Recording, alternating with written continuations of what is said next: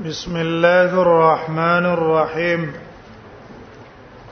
باب ما يقول اذا دخل الخلاء مصنف رحمه الله مخکې فرضیت د او دس بیان کو چې دا او د فرض ده او شرط ده د پاره د صحت د صلات اوس دا غینه بعد اوس آداب د استنجا بیان نه آداب د استنجا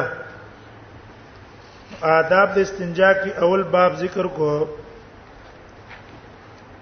باب ما یقول اذا دخل الخلاء یو سړی بیت الخلا ته ځي په وخت دخول د بیت الخلا کې وکمه دعا کوي حق بیان دی وخت دخول د بیت الخلا دعا عقیده دعا او دا باب تفصیلا منګه ابو داود کې ویله ومغه د انس رضی الله عنه روایت ده امام ابو داود د عبد العزيز ناغه نقل کړو په واسطه ده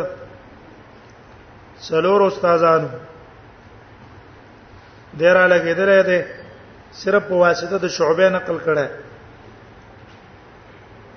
وبه قال حدثنا قتيبة وهناد قال حدثنا وكيع عن شعبة عن عبد العزيز بن صهيب عن انس بن مالك قال كان النبي صلى الله عليه وسلم اذا دخل الخلاء ويو نبی صلی الله علیه وسلم کله به جننه وتلو بیت الخلاء ته اذا دخل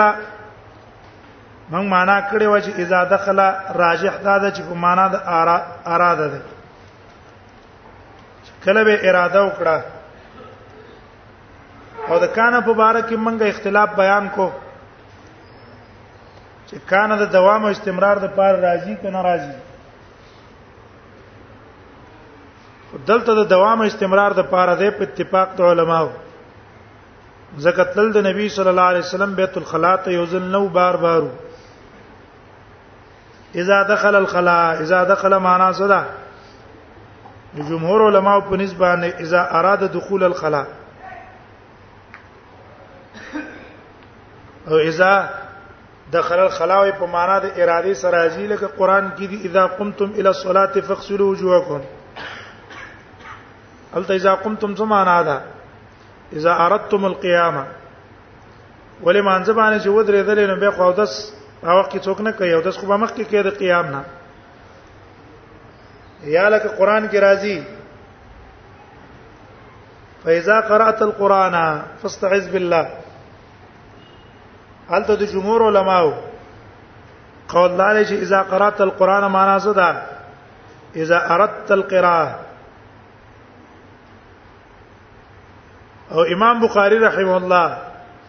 الادب المفرد کې دا حدیث د انس نه نقل کړه چې نبی صلی الله علیه وسلم به دا دعا کوله او وخت د اراده کې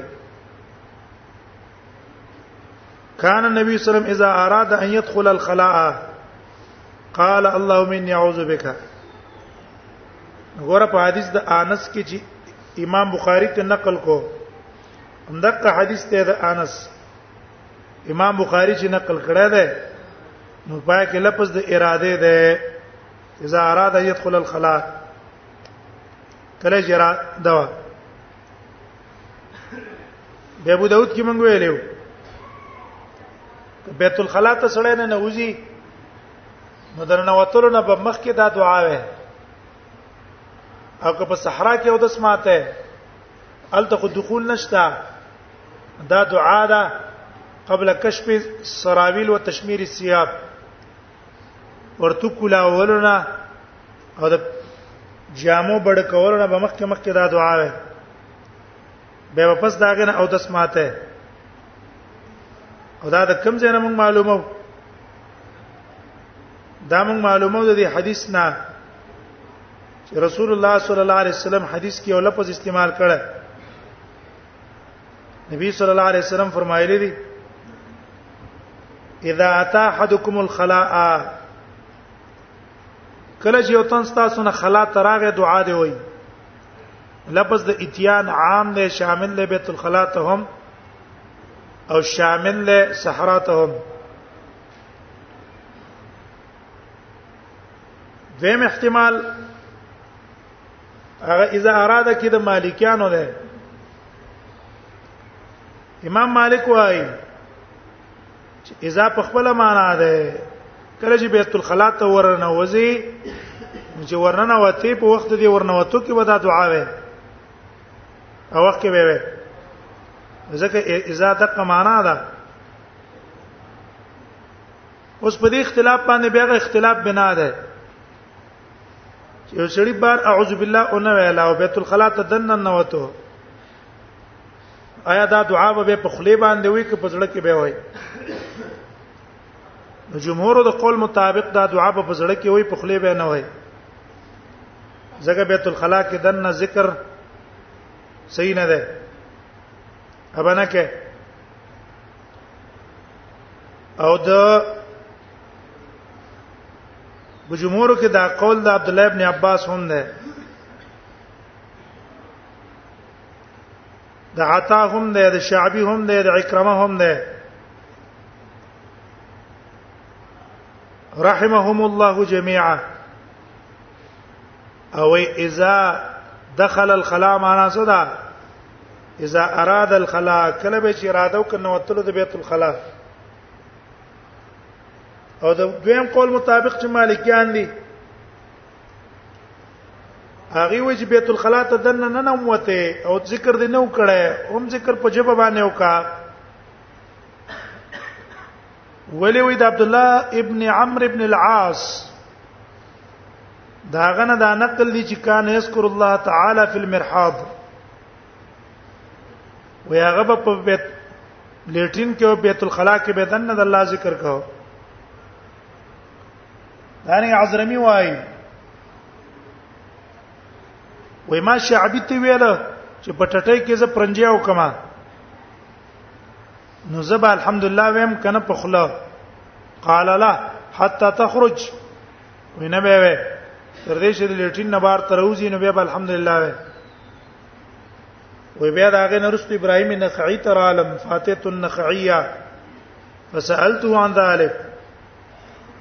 وای ما دا غنه ته پوسو کو وی هغه راته ویل احمد الله الله حمد وای په اسات کې الحمدلله وای ما وتل چې شعبي وای چې نه به وي انا خعي ویل الحمد يسعد ولا يهبط حمد برزي کته نزي ګندګي لاندې پرته ده حمد خو بر روان ده ادا ابن سیرین قول هم ده لیکن ابو داود کې موږ ترجیح ورکړو قول د جمهور لره چې بار ویل پکار دی کدن نن وتلې به پزړه پزړه کې وایا په خلی مو وایا نو قال نبی صلی الله علیه وسلم ویل اللهم انی اعوذ بک اللهم پسر کې یا الله دې حرف ندات حذف کړې شو یا ندات حذف کړې شو او دا غي په عوض کې اخر کې میم راوړل شو اللهم ته جوړ شو ځکه یا الله دې کنه یا حرف ندا دا اول نه حذف شو او په اخر کې مڅ راوړو میم هم راوړو اللهم اني اعوذ بك یا الله زه پناه غواړم پتا باندې من الخبث د خبث نه والخبائث او د خبائث نه هو قال شعب وقد قال شعبه قال شعبه وقد قال مره وي عبد العزيز ابن صهيب راته یو ځل دسم ویلي چې اعوذ بالله من الخبث والخبيث او الخبوس والخبائث اے کله لفظ د خبث ویلې دی او د خبيث او کله د سی ویلې دی چې اعوذ بالله من الخبث والخبائث لیکن عام مشهور هغه د ارستنی جمله ده کنه من الخبث والخبائث ابو داود کې منګه دا ویلو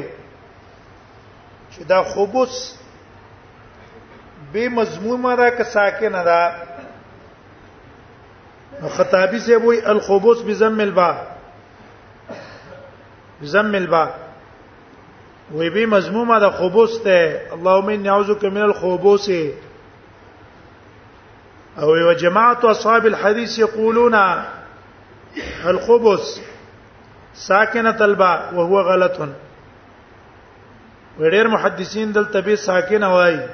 خو دا غلطه ده سینه ده دا وی په بی باندې ذمہ ده لیکن خطابی چې کومه دا خبره کړي چې محدثین ته نسبت ته خطای کړي دا خبره ټیک نه ده وجدا ده چې ائمه د لغت لکه ابو عبید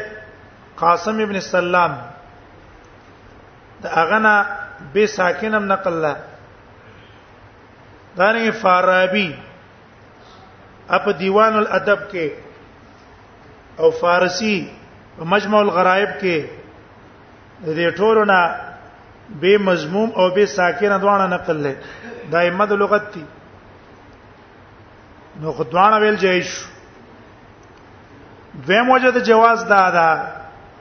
دویم وجه د جواز یو قاعده د قاعده نحویه هغه دا ده چې فعل وزن بزمتين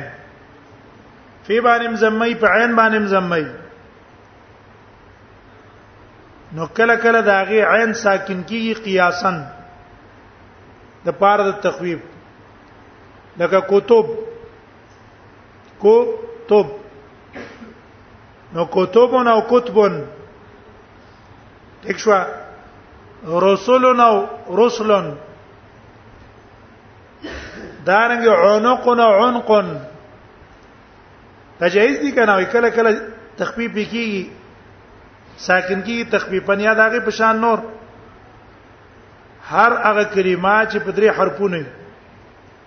اولک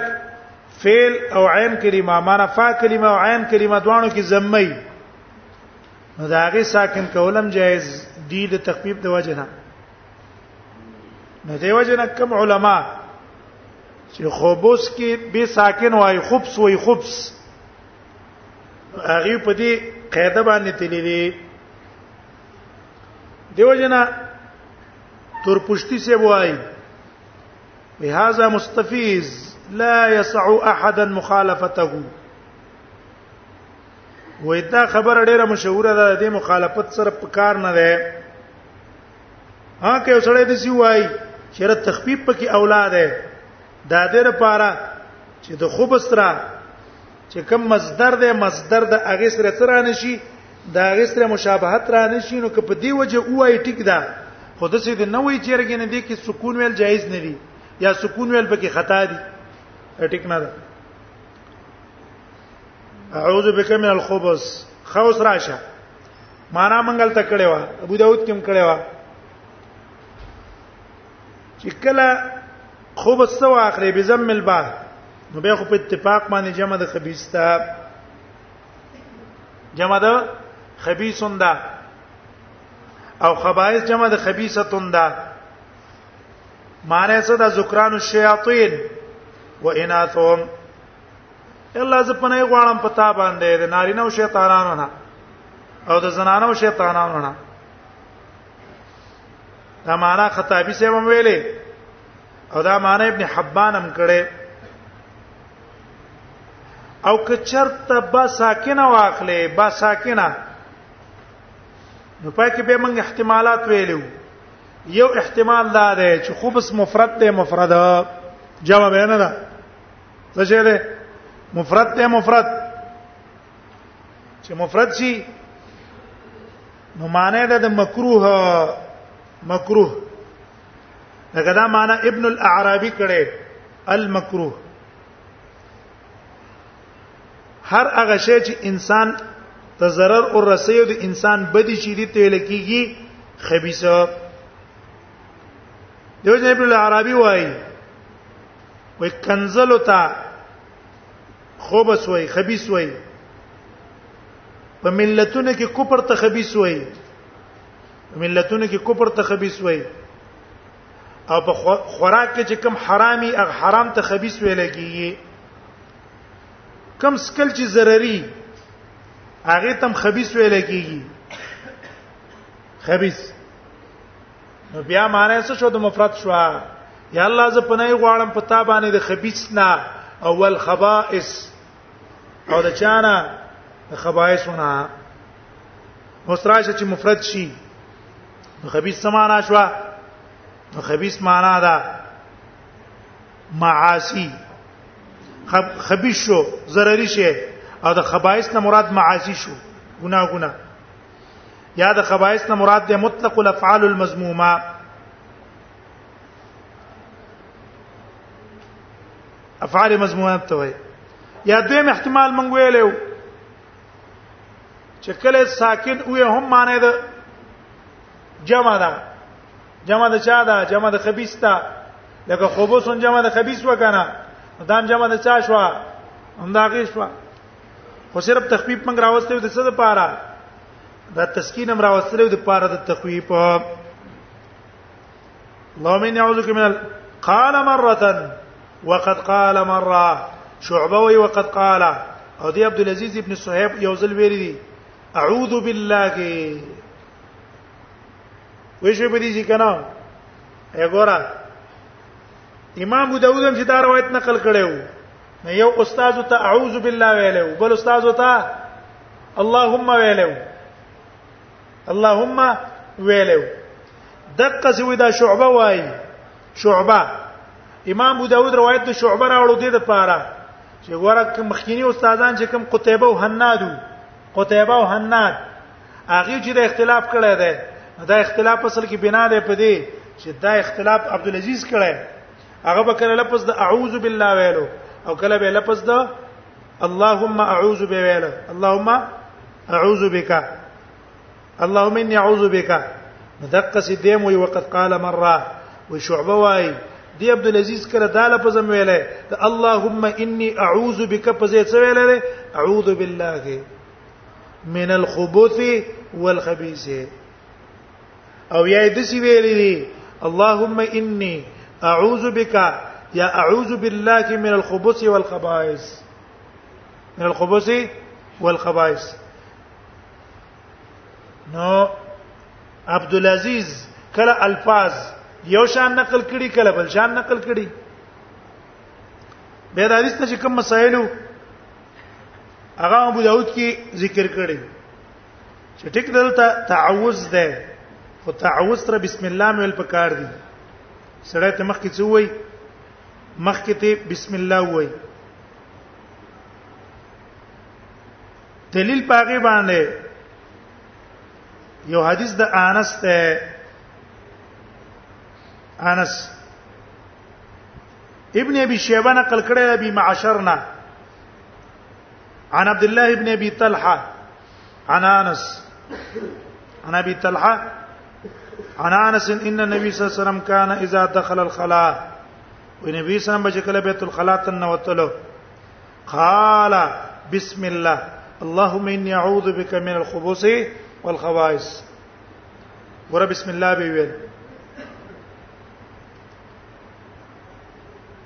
لیکن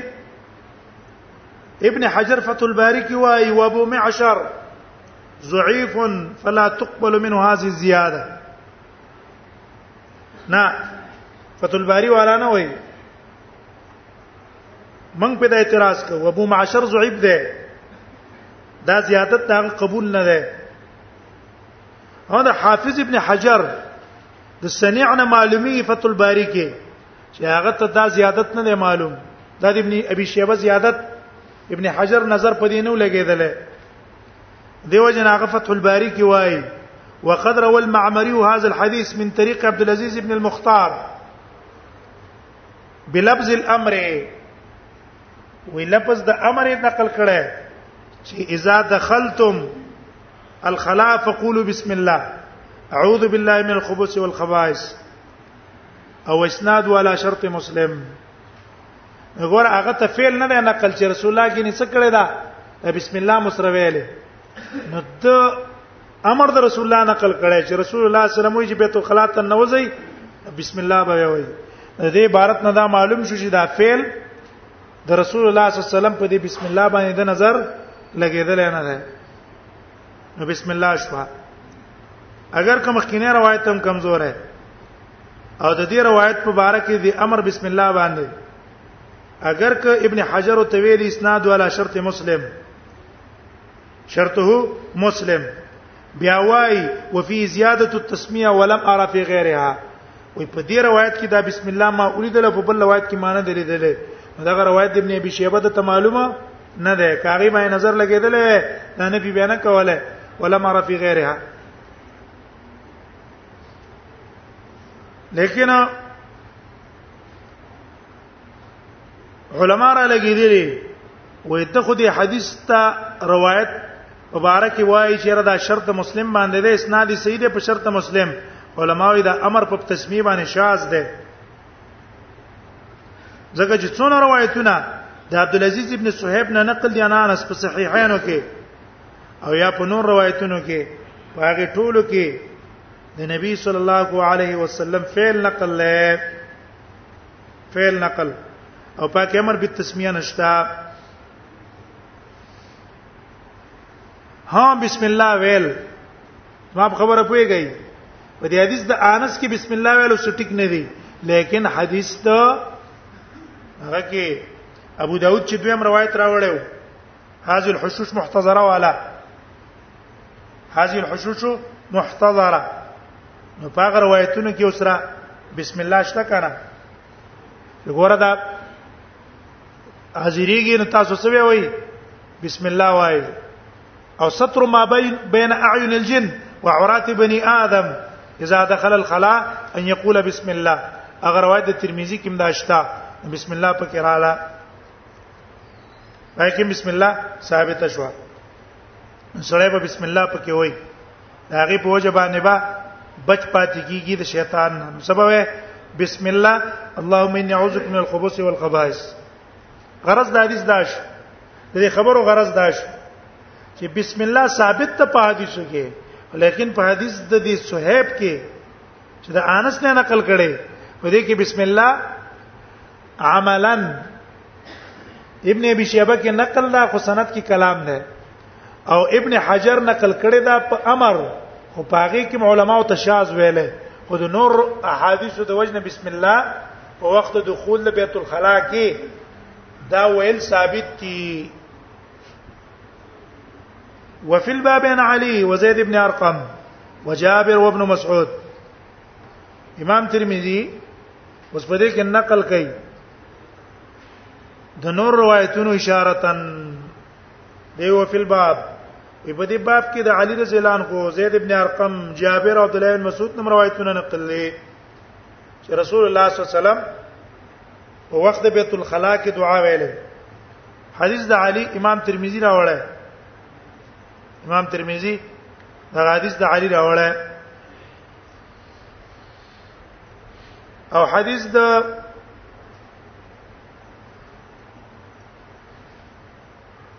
د علي ترمذی راوړو ابن ماجه راوړو حدیث د زید ابن ارقم امام ابو داود او ابن ماجه راوړل ان هذه الحشوش محتضره حدیث د جابر لم نقف علی پتن لګی چا راوړل حدیث د عبد الله ابن مسعود اسماعیلی په خپل معجم کې راوړی او عینی سی بوای بسناد جيد ان النبي صلى الله عليه وسلم كان اذا دخل الغائط قال اعوذ بالله من الخبث والخبائث دا غي سندم جيد ده قال ابو عيسى حديث انس صح حسين في هذا الباب اوس امام ترمذی را لګیږي په دې حدیث باندې کلام کوي نو قال ابو عیسی امام ترمذی وایي حدیث انس صح حسین فی هذا الباب حدیث د انس په دې باب کې ډیر صحیح حدیث ته او احسن او احسن هم ده ټول خلکو په تعامل کړي اتفاق په کړي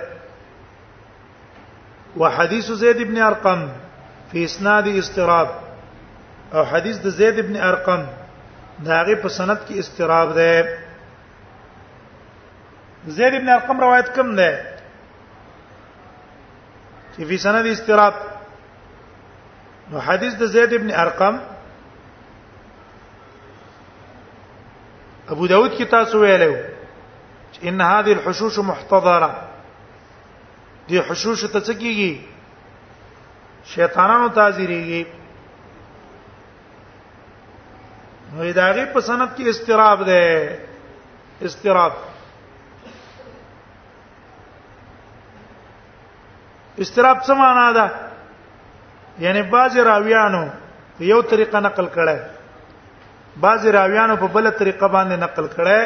چې هغه طریقه مخالف ته د پاره د اولی طریقې دی راویانو یو طریقه نقل کو دی راویانو په بل طریقه نقل کو او دا طریقه د مخکې طریقې د پاره څه ده مخالفه ده دې ته ویل کی استراب حدیث مستربه چاته وایي حدیث مستربه حدیث مستربه ویل کی هغه تا مختلف راویه فيه مختلف راویه فيه چې هغه راوی په کې په خپل اختلاف کوي فرواه مره على وجه ومره على وجه اخر مخالف مخالفا له على وجه اخر مخالفا له دا راوی دا حدیث یو ځل نقل کی په یو طریقه بهم دا راوی را اولګي هم دا حدیث نقل کی په بل طریقه او دا طریقه د مخکې طریقې د پاره مخالفه دا یو صورت د استراب ده دویم طریقه دویم صورت د استراب ده اضطرب فيه راویان وهكذا ان استرب فيه راويان فاكثر دو راويان یا د دو راويان نه زیات پکې استراب وکي فرواه كل واحد على وجه مخالف للاخر دا راوی روایت په یو طریقه نقل کی دا بلې په بل طریقه نقل کی دا بلې په بل طریقه نقل کی او هر یو د بل نه مخالف ده دا دویم صورت د استراب ده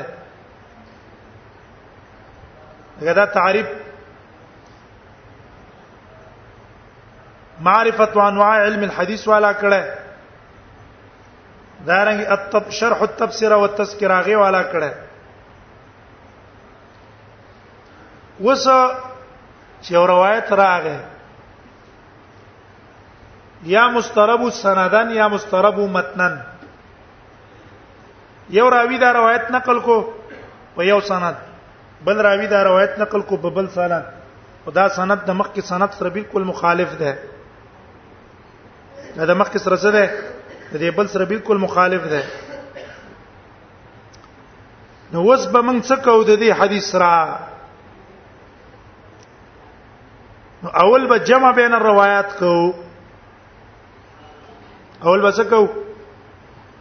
جمع بکو جمع روایت په منځ کې کپه دې سند کې احتمال د جمع یو جمع بکو مثلا یو راوی دا روایت نقل کو په منځ کې راوی واسطه ذکر نکړه دی بل دا د قادس نقل کوم دا دا نه خو د دو دغه استاد په منځ کې واسطه ذکر کړه نو که تطبیق کېدلو ما داسې چې دا روایت د دغه استاد نه بلا واسطه موریدل او بل واسطه موریدل نو کله بلا واسطه نقل کړي د شاګرد بلا واسطه نقل کو او کله بل واسطه نقل کړي هغه بل شاګرد بل واسطه نقل کو دا تطبیق شو کو نه شو نو که تطبیق ممکنو جمع ممکنه وا ټیک ده او که تطبیق نو ممکن نو به به ترجیح ورکو احدى الروايات على البقيه یو له به ترجیح ورکو په بلا اوس به پیښ وای که چرته جمم وکړه به مستراب پاتې نشو بیا څنګه شو جمع په مابین د روایتو کې وکړه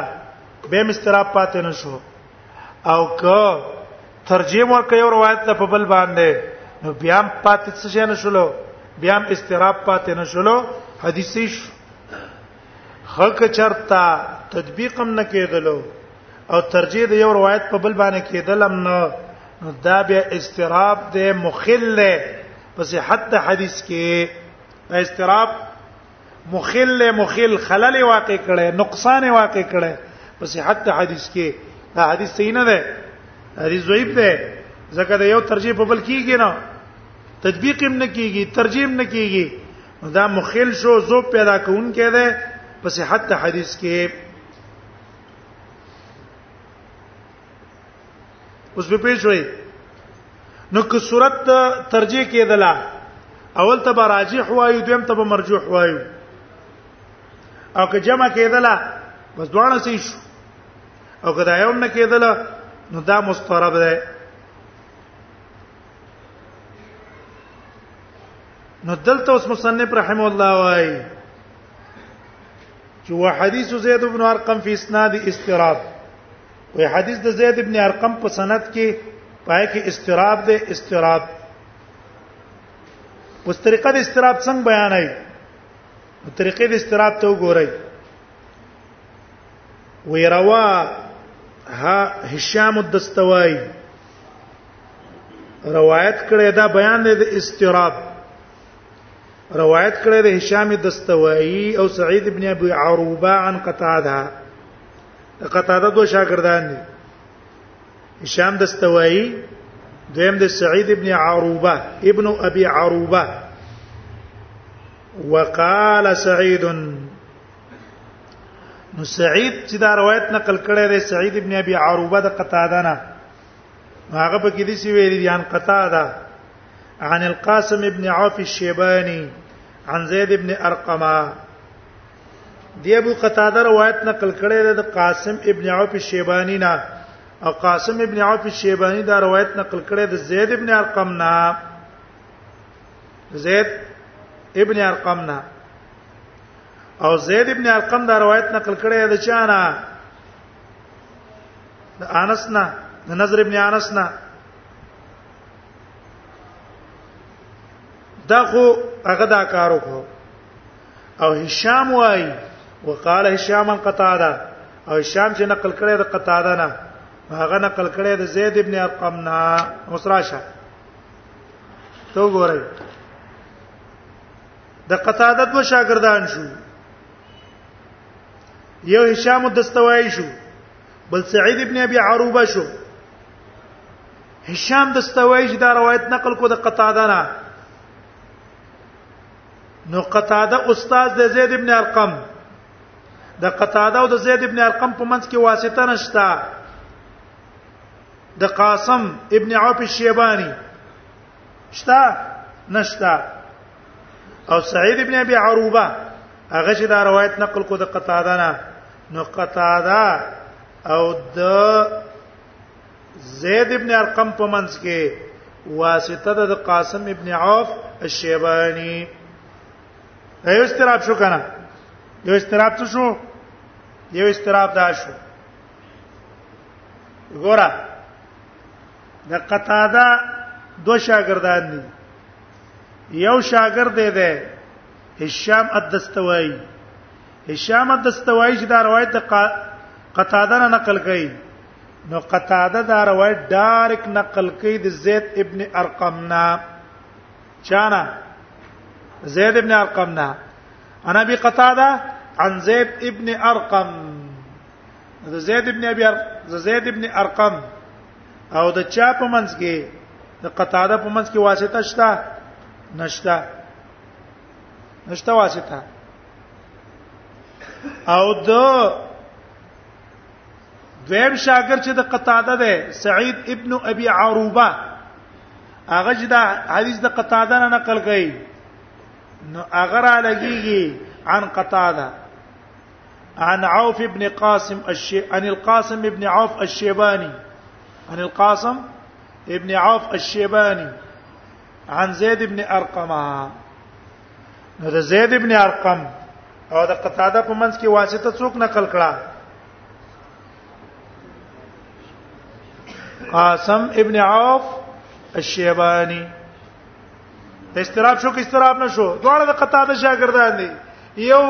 چې د قتاده نه نقل کوي د قتاده او د زید ابن ارقم په منځ کې واسطه نقل کوي استاد بل زیتای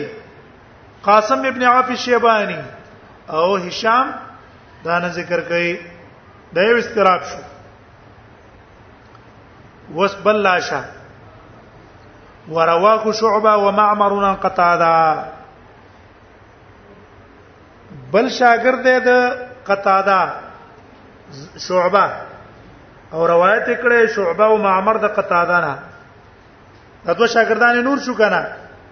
یو معمر شو او بل شعبه شو دې چې د قتاده نه نقل کړي عن النضر ابن انس زید ابن ارقم په زید چا نه روایت نقل کړي اے زید ابن ارقم نقل کړي د نضر ابن انس وقال شعبه عن زید ابن ارقم پیارا لګیدل شعبه په کې دي سی ویلي دي عن زید ابن ارقم وقال معمر او معمر په کې ویلي ان نضر ابن انس عن ابي نظر ابن انس روایت نقل کړی دی چانا خپل پلار نه دا بل اختلاف حاصل دا شوې توضیح الاستراب توضیح الاستراب د دې استراب وضاحت ته ده چې ګوره د قطاده څلور شاګردان دي خطا دا څلور شاګردان دي یو د هشام دویم د سعید ابن ابي عروبه دریم د شعبه څلورم د معمر دا ټول شاګردان دي د قتاده او روایت د قتاده نه نقل کړه خود دې په منځ کې اختلاف ده سعید ابن ابي عروبه چې دا روایت نقل کړي د قتاده نه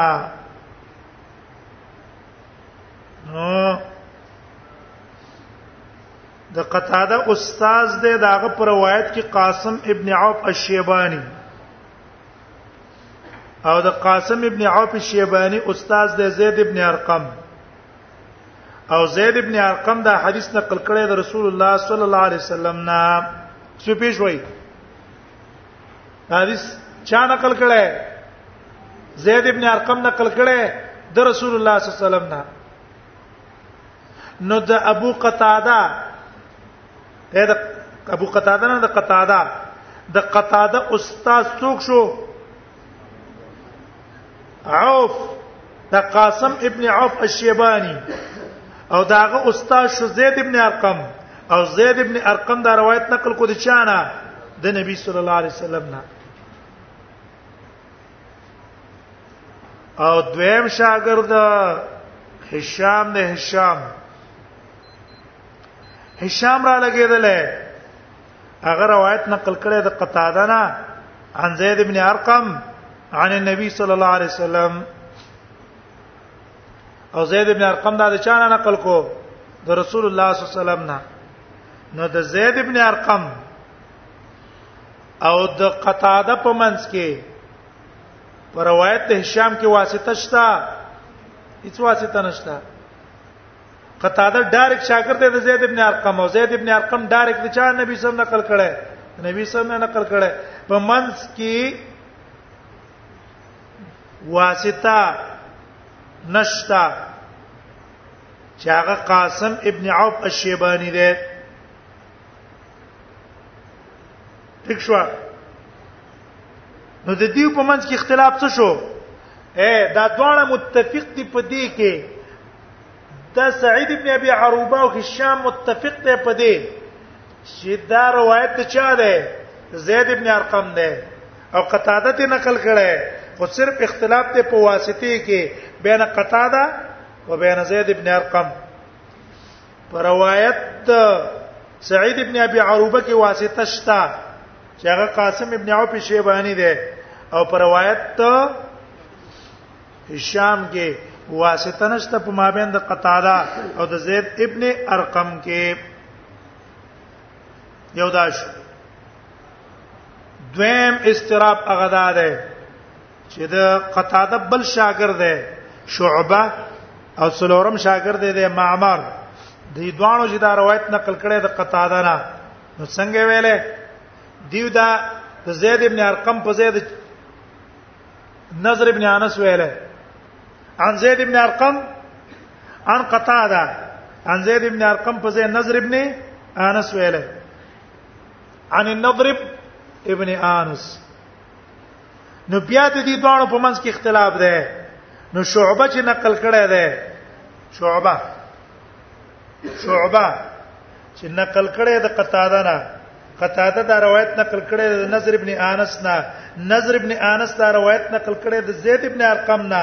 زید ابن ارقم دا روایت نقل کړي د نبی صلی الله علیه وسلم شپې شوي شعبه څه چل کړي شعبه دا روایت نقل کړي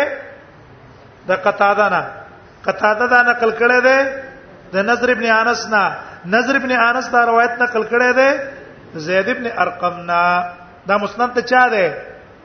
زید ابن ارقم خود څه وکړو اے دی شعبه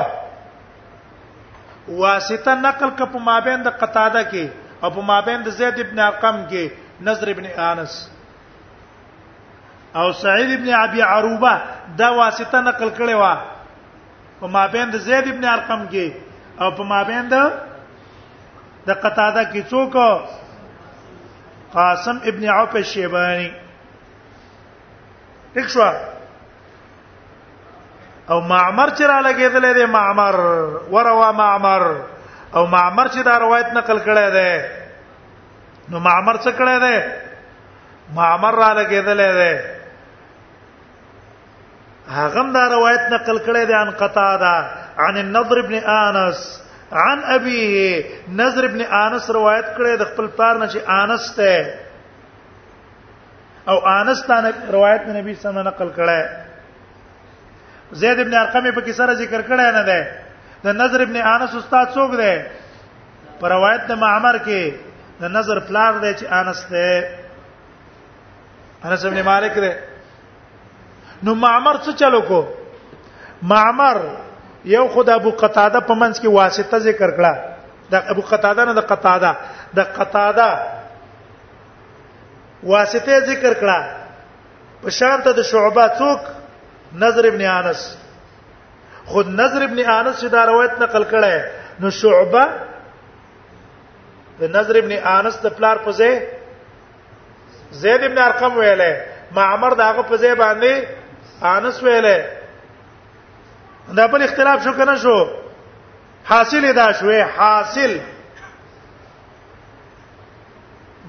معمر دا روایت چې نقل کړی دی د مسند انس ګرځولې او د قتاده چې درې شاګردان دي شعبه سعید ابن ابي عروبه هشام الدستوای هغه درې وانو دا مسند چا ګرځولې د زید ابن ارقم او دغه درې وانو به په خپل منځ کې اختلاف تا کړی چې هشام سره واسطه نه ذکر کړي او شعبه او سعید ابن ابي عروبه واسطه ذکر کړي اوس د دې سعید ابن عروبه او د چا په منځ کې د هشام د شعبه په منځ کې اختلاف ده ده چې شعبه د واسطه د زید ابن ارقم په منځ کې نظر ابن انس ویلې او سعید ابن ابي عروبه دا واسطه قاسم ابن عوف الشیبانی ویلې اوس پیښو کې پینه شوې د استراب شو کنه شو که پینه شو په استراب استراب ورسېدلې نو معمر خو ټیک دا د شعبه سره موافقت کړی دی په واسطه کې خو لیکن دا مستند چا ګرځولای مسند د زید ابن ارقم ګرځول نه د انس ابن مالک ګرځول زید ابن ارقم په زید هغه مسند ګرځول لیکن د نورو کسانو دا مسند چا ګرځول دا مسند د زید ابن ارقم ګرځول دا استراب شو کنه شو دیو جن امام ترمذی وای او ته وګورئ چې وای وحدیثو وای حدیث زید بن ارقم حدیث زید بن ارقم کم دی او فی الباب عن علی و زید بن ارقم کو ته اشاره وکړه کنه و دغه حدیث د زید بن ارقم په هغه په سند کې استراب دی خو مونږ ویلو چې دا زید بن ارقم روایت چا راوړی امام ابو داود خو د امام ابو داود په روایت کې څه نشتا پکې استراب استراب نشتا د په روایت کې استراب دی په استنا په اسنادي استراب رواه هشام الدستوایی وې ځکه هشام دستوایی او سعید ابن ابي عروبه دا روایت نقل کړي د قتاده نه نو سعید په کې ویل دي ان القاسم ابن عوف الشیبانی واسطه قاسم ابن عوف الشیبانی ګرځولې ده په مابین د زید ابن ارقم کې ان زید ابن ارقم وقال هشام او هشام په کې قتاده نه ډایرک نقل کړی دی ان زید ابن ارقم د قتاده او د زید ابن ارقم په منځ کې واسطه نه ذکر کړي نو ګوره دا عدم واسطه ذکر ک عدم واسطه ذکر کول چې واسطه نه د ذکر کړي دی هشام په تفرد کړي او نور کسانو معمر شعبه او سعید دی څه کړي دا واسطه ذکر کړي نو دلته چا تفرد کو دلته هشام تفرد کو په عدم ذکر د واسطه هغه نور ټول واسطه ذکر کړي یو بیا الته معمر معمر ته پرد دا کړي چې معمر دا مستند چا ګرځولې د انس او د نورو مستند چا ګرځولې زید ابن ارقم اوس پین چاله پوي شوي وقال معمر او معمر پکې به وی ورواه شعبه دا شعبه نقل کړي ان قتاده ومعمر او معمر هم نقل کړي د قتاده نه عن النضر بن انس د نظر ابن انس نه دا خو متفق دی په دې کې چې واسطه څوک ده اے شعبه او معمر په دې متفق دي چې واسطه په مابین د قتاده کې او د صحابي په منځ کې ډایرک په خپل نه دی اوریدلې بلکې په واسطه د نظر ابن انس نه ده خو معمر را لګیدلې د مسند ته چاو ګرځاو مسند ته انس ابن مالک یو ګرځاو او شعبه را ولګیدو د مسند او ګرځاو د زید ابن ارقم په شان ته ده دستوایی او په شان ته ده سعيد بن ابي عروبه وما من قتاده عن نزنا وقال شعبه عن زيد بن ارقم نو وسراشه بیا پکې شعبه وایي چې انا ابي قتاده عن النذر بن انس عن زيد بن ارقم او معمر وایي انا ابي قتاده عن النذر بن انس عن ابي د خپل پلار نه چې هغه انس بن مالک دی چې رسول الله صلی الله علیه وسلم قال ابو عيسى اوس ابو عيسى کی اشاره کی چاته د په د استراب تا چیرې دا مسترب د حدیث استراب د په دې طریقو دا مسلم مسلم راوړوي